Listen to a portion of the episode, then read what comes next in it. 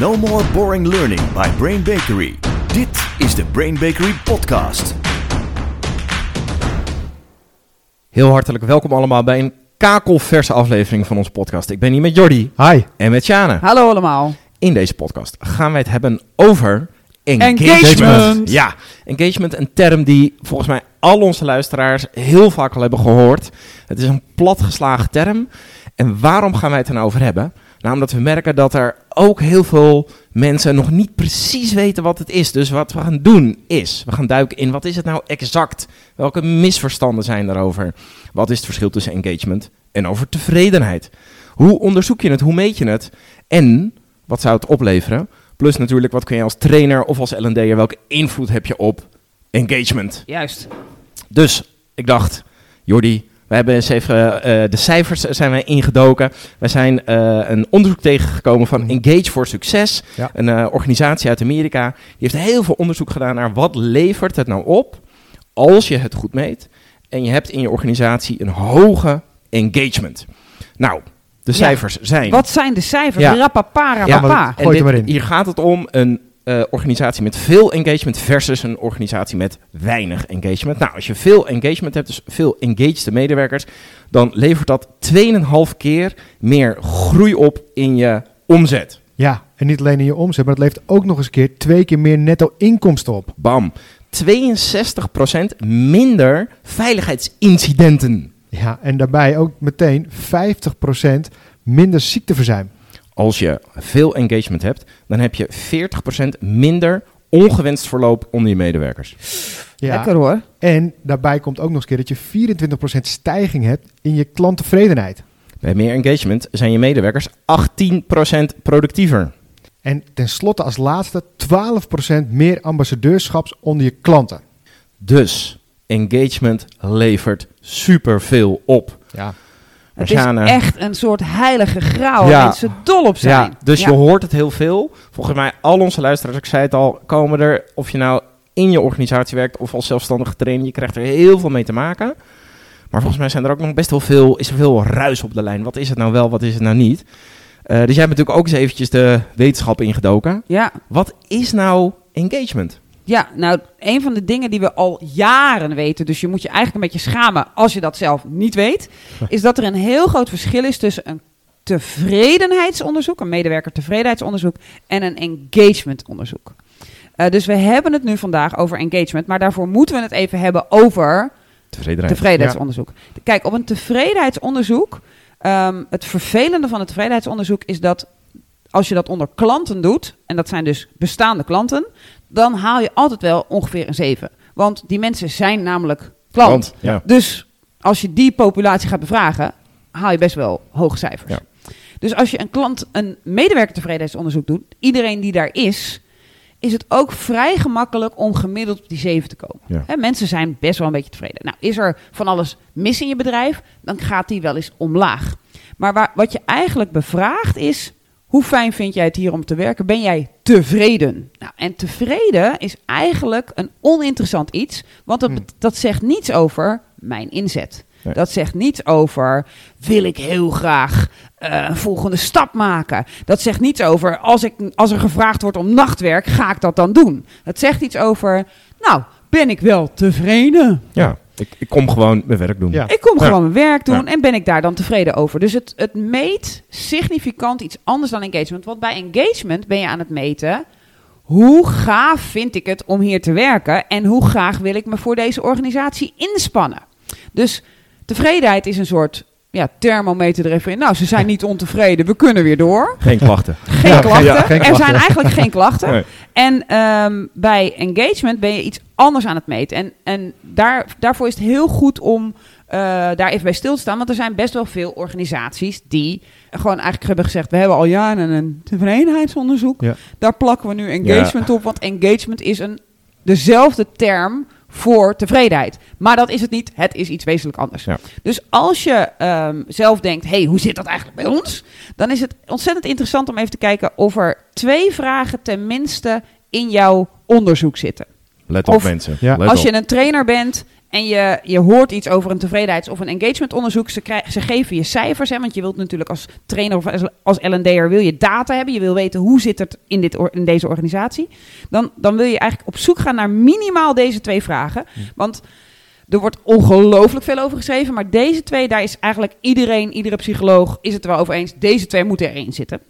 En dat is als eerste, als een vriend van jou zegt: God, ik ben eigenlijk wel even op zoek naar een nieuwe baan. Mhm. Begin jij dan over jouw. Word mijn collega. Begin je dan over jouw werk. Zeg je dan eigenlijk: Het is hier goed toeven als je bij mij komt werken. Kom hier, man. Oh. Ja. Kom hier, Ja. het is bij ons zo leuk, hier moet je wezen. Dus dat is de, de eerste die je echt wil zien. En de tweede die je echt wil zien, daar bevraag je je medewerker, je collega, bevraag je op iets anders. En dat andere is, eh, op het moment dat iemand zegt, stel je voor, jij zit in de boren, Mhm. ik heb een nieuwe boor nodig. Roep jij dan als medewerker spontaan, dan moet je die Ja. van ons Ja. hebben. Hè, wij doen dat. Of zit je in de, in de verwarmingsmakelaardij en, en ben je verwarmingsmonteur, roep je dan, "Oh, dan moet je bij ons een contract afsluiten, want ons contract is echt heel goed. Met andere woorden, maak ik actief reclame voor het werk dat wij Ja. doen. En de andere is, eh, maak ik actief, actief reclame over, het is hier leuk werk. Voor mijn werkgever. Ja. Precies. Ja. Die twee worden het vaakst gezegd. En dan is er een derde, die zal ik er even aan toevoegen. En ehm, daar is wel veel discussie nog over. Dus maar over deze twee is- iedereen het eens. Die, die zeggen iets over engagement. En ehm, de, de derde is, hoe lang ben je nog van plan hier om hier te blijven werken? Eh, dus dan, dan die vraag die zit er ook eh, best wel vaak in. Of eh, ik ben op dit moment niet actief aan het solliciteren. Of ik ben niet om me heen aan het kijken. Of ik sta daar niet voor open. Die variant, Ja. die, die wordt er vaak aan toegevoegd. Maar daar is wat meer discussie over. Die eerste twee moet je zeker zien. Dus dan gaat het engagement is. eh, Dus als je kijkt naar het verschil tussen tevredenheid en engagement, dan zie ik tevredenheid een soort passief iets. Nou ja, de hygiënevoorwaarden zijn hier oké. Ja. Eh, dus ik kom en ik doe mijn werk. Het voelt goed hier. Ja, en engagement is. Oh, wat lekker. Ik mag weer. Ik ga weer. Wat is het? Wat, wat ben ik, Ik ben echt trots. betekenisvol Ja. werk aan het doen? Ja. Ja. En ik ben dus bereid om erover te praten. Als je het met NPS-scores zou vergelijken, dan zit tevredenheid over, die keurt al goed de nul, Ja. namelijk een 6, 7 of 8. Ja. En engagement zegt nee, ik wil die 9 of die 10. Ja. Als je hem daarmee zou willen vergelijken. Ja. Wat we hier verder niet doen. Nee. Nee. Goed, dus engagement levert superveel op. Het levert op in winst, in productiviteit, in eh blijere klanten, in minder verzuim. Eh, we weten dus ook dat engagement echt iets anders is dan tevreden. Dus nu is het interessant om te kijken, oké, wel- welke dingen hebben er nou invloed op engagement? Wat zorgt er nou voor dat mensen zeggen op die twee vragen die Sjane net zei, ja, dat zou ik tegen mijn vriend of vriendin of wie dan ook gaan zeggen.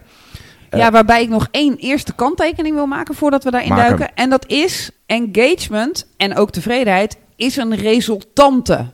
Dus het is een resultaat. Het is niet een target of een doel. Dus dat is even heel belangrijk om, om, om bij stil te staan. En, en denk vooral even mee, eh, Jordi en, eh, en, en JP. Hmm. Ehm, een, een resultaat is iets, je doet van alles en dan is er een Komt, uitkomst. Ja. Terwijl eh, een doel is, ik wil 39% engagement. Ja. Of ik wil een 7 op de klanttevredenheid.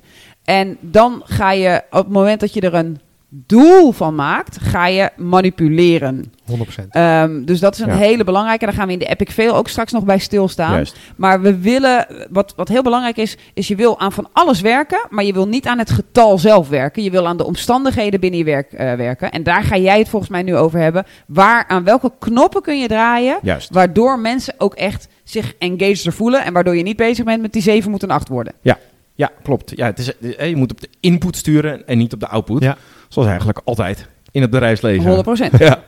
ja, dus uit het onderzoek, eh, uit onderzoek komen eh, vier, de belangrijkste vier beïnvloeders op je medewerkers engagement. En op één staat het werkplezier. Dus heb ik gewoon gedurende mijn werkdag, heb ik lol, kan ik lachen, maken we grapjes, heb ik collega's om me heen bij wie ik me fijn voel, Eh, is, er, is er een Een kantoorgrapje? hele logische. Ja, gewoon heb ik... Heb ik lol Ja, in in mijn werk. Precies. En, en in de COVID-periode ook heb ik dan ook nog lol thuis. Oeh, oeh. ja. oeh. ja. Ja. Ja.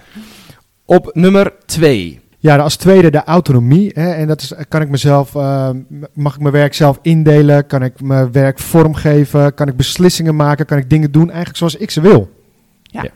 Op nummer drie staat, ja, ga ik op in mijn werk? Hè? Vind ik het betekenisvol? Vind ik het waardevol?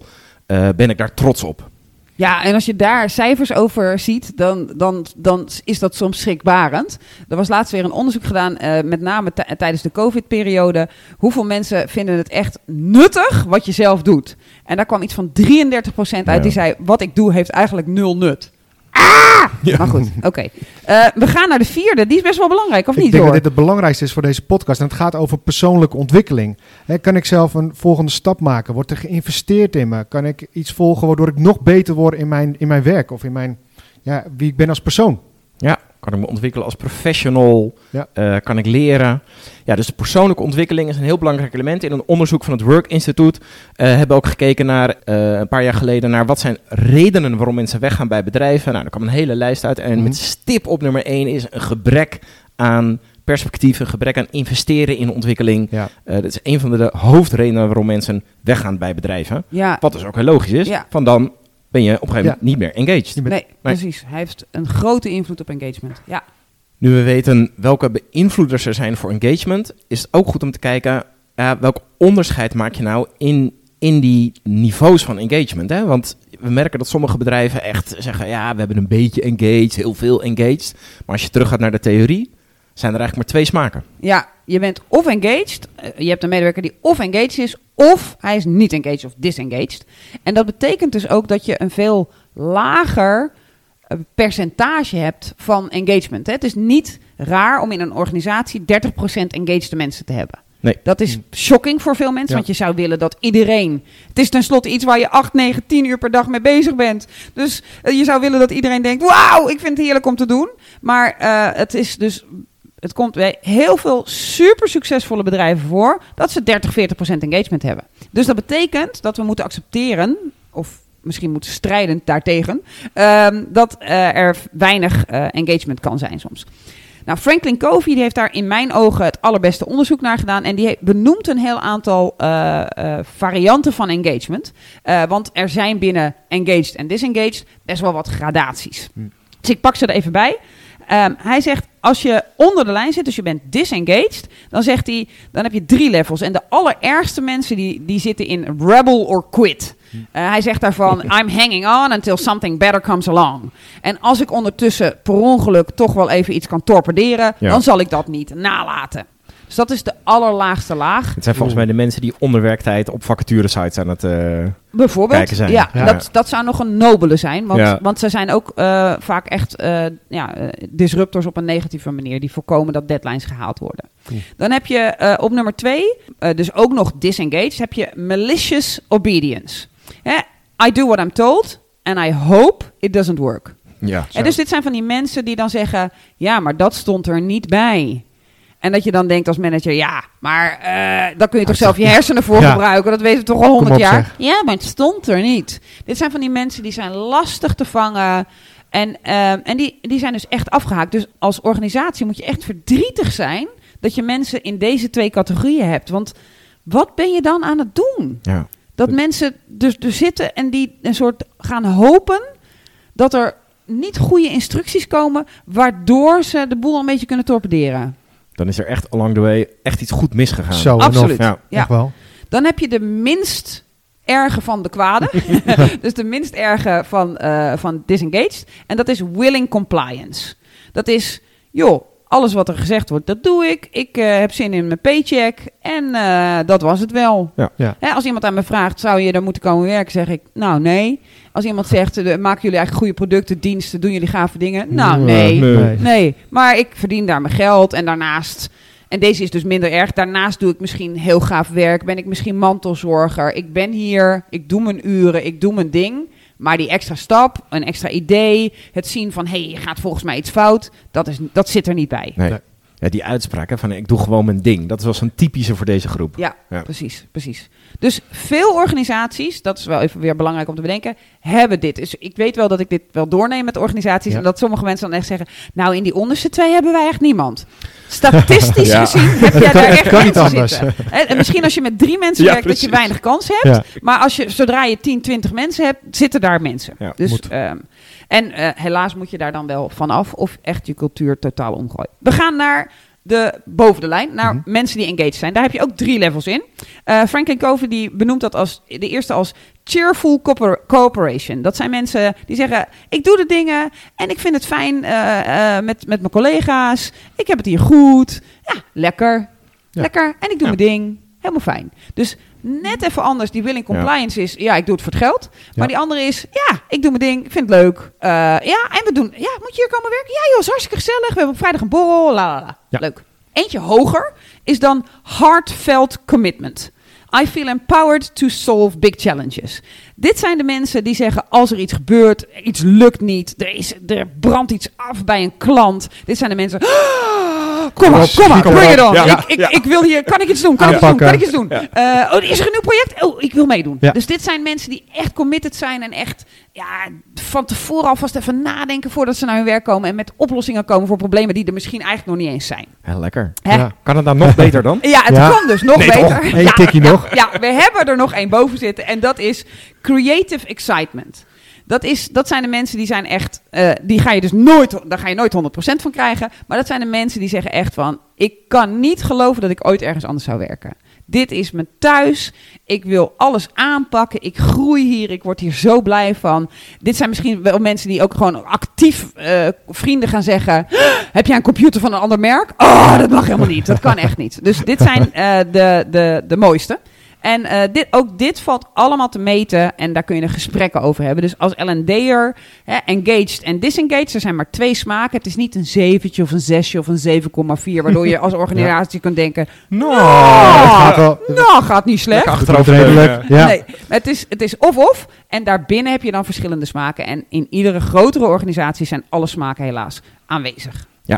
Ja, en het is inderdaad, ehm, eh, wat ik wel mooi vind, is dat je even zei van, joh, schrik niet als je bijvoorbeeld een engagementcijfer hebt van rond de 30. Ja. In een onderzoek van de Factory van eh, enkele jaren geleden, eh, wereldwijd, kwam ook het wereldwijde engagementpercentage op 29% uit. Ja. Dus dat is inderdaad gewoon het gemiddelde. Het gemiddelde, dan doe je het dus goed. Ja. Ja, ja dus dat is een, een belangrijke om te beseffen. En, en ook dus een belangrijke om je te realiseren, als we daar even bij stilstaan. 70% van de mensen werken dus of voor de paycheck, Ja.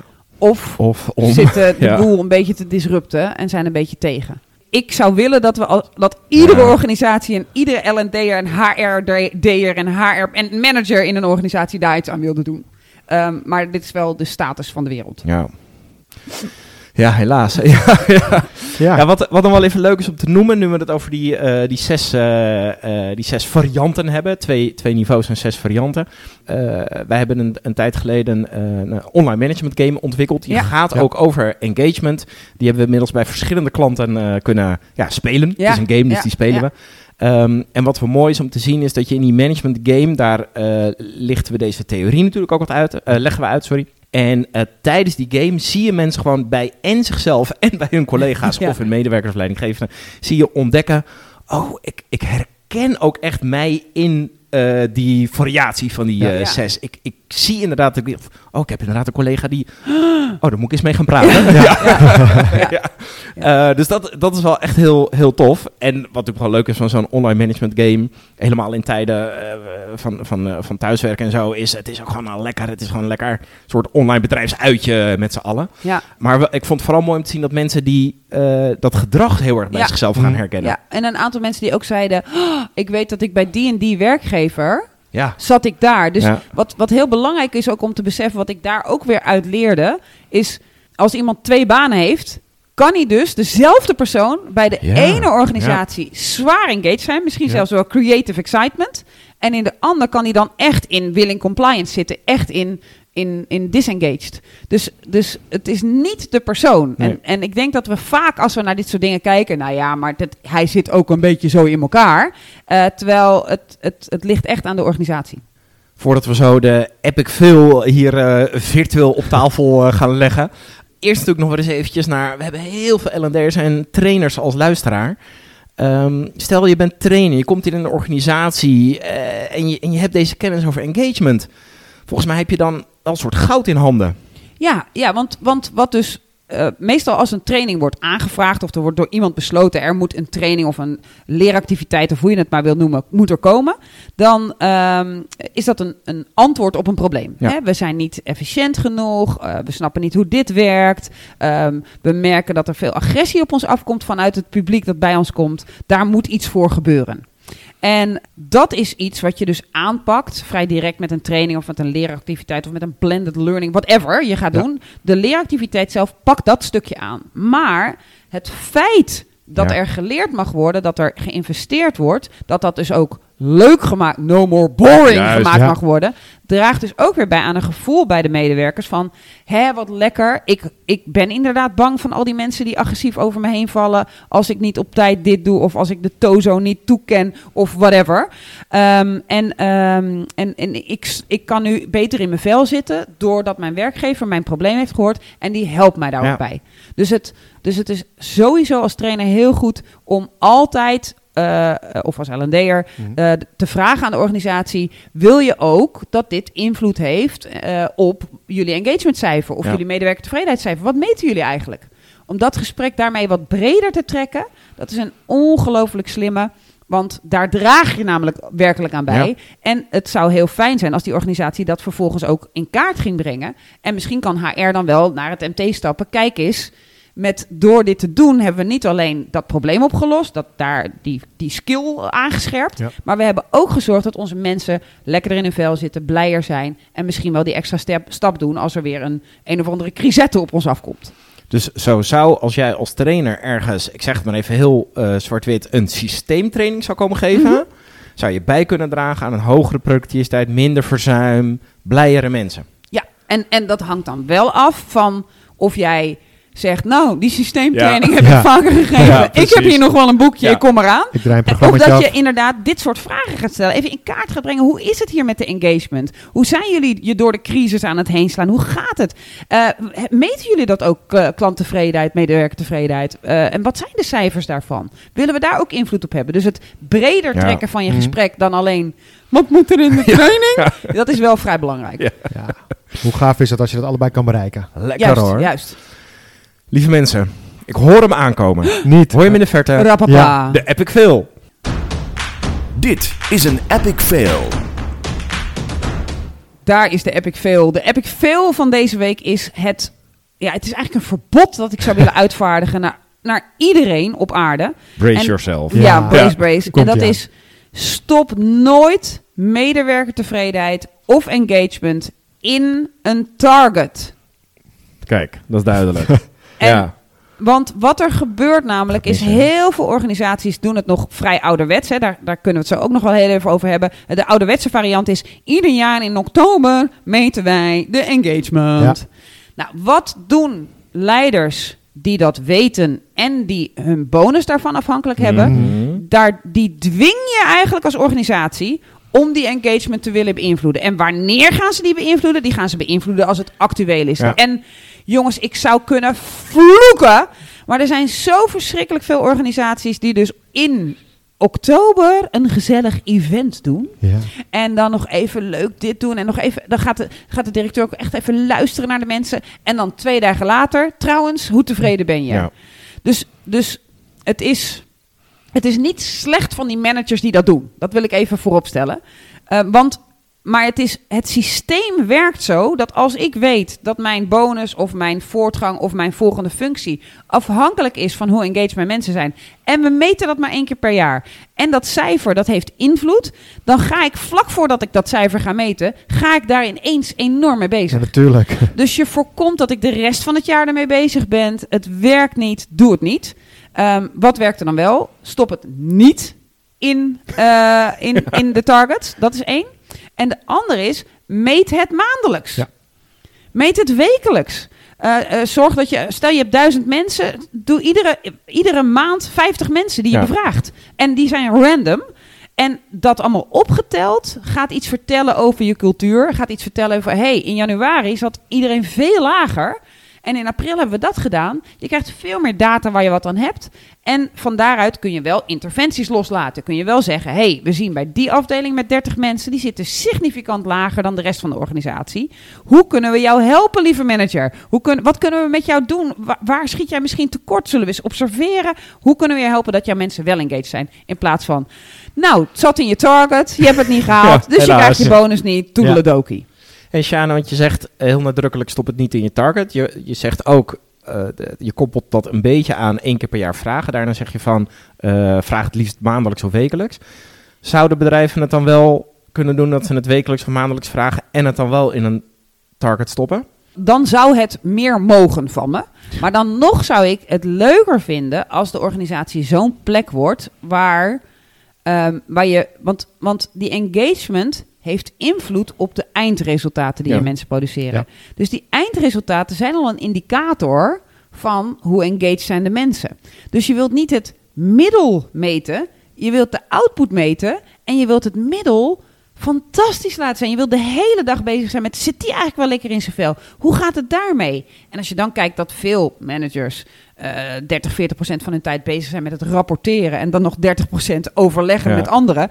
Hoeveel tijd heb je dan om aan dat engagement van je mensen te werken?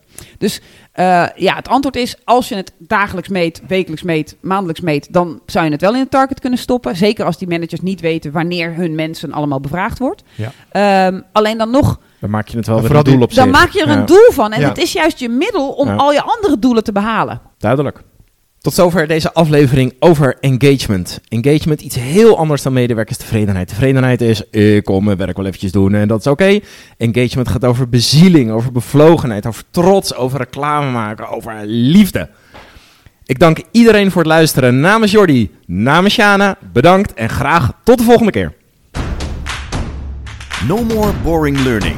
Dit was de Brain Bakery podcast. Wil je meer weten? Kijk dan op brainbakery.com of volg ons op onze socials.